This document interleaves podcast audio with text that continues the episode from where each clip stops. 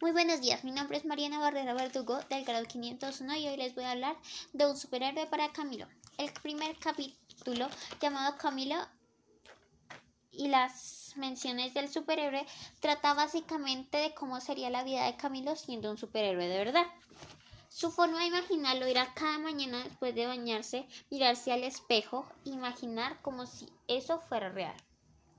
Hasta que un día su mamá tristemente lo bajó de su nube. En el segundo capítulo, Papá sin tiempo y Mamá con depre, se trata de Octavio, el papá de Camilo, al que solo le importa su trabajo incluso en días de descanso, y no tiene tiempo ni familia.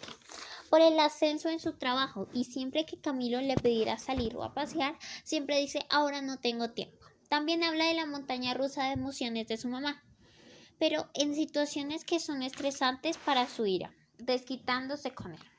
En el siguiente capítulo, el tiranosaurio Rex nos habla del profe de lengua castellana.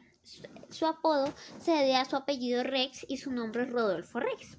Los niños se asustaban cuando él se ponía a escoger a qué estudiante le iba a hacer una de sus preguntas extrañas, girando el lapicero en la lista de asistencia.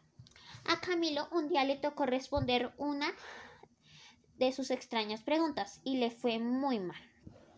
Y el último capítulo, La Costra, que habla acerca del grupo de niños bullying llamados La Costra. Se dedican a maltratar, golpear a los demás, robarles su dinero y la comida.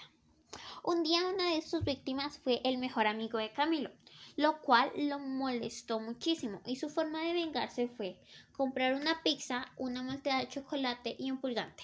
El purgante se lo echó a la comida sabiendo que pronto se le iban a venir a quitar, causando que el grupo La Costra se enfermara gravemente de problemas estomacales. La Costra se había enterado que Camilo fue el que les había hecho la pesada broma enviándoles una notica amenazándolo que lo iban a golpear.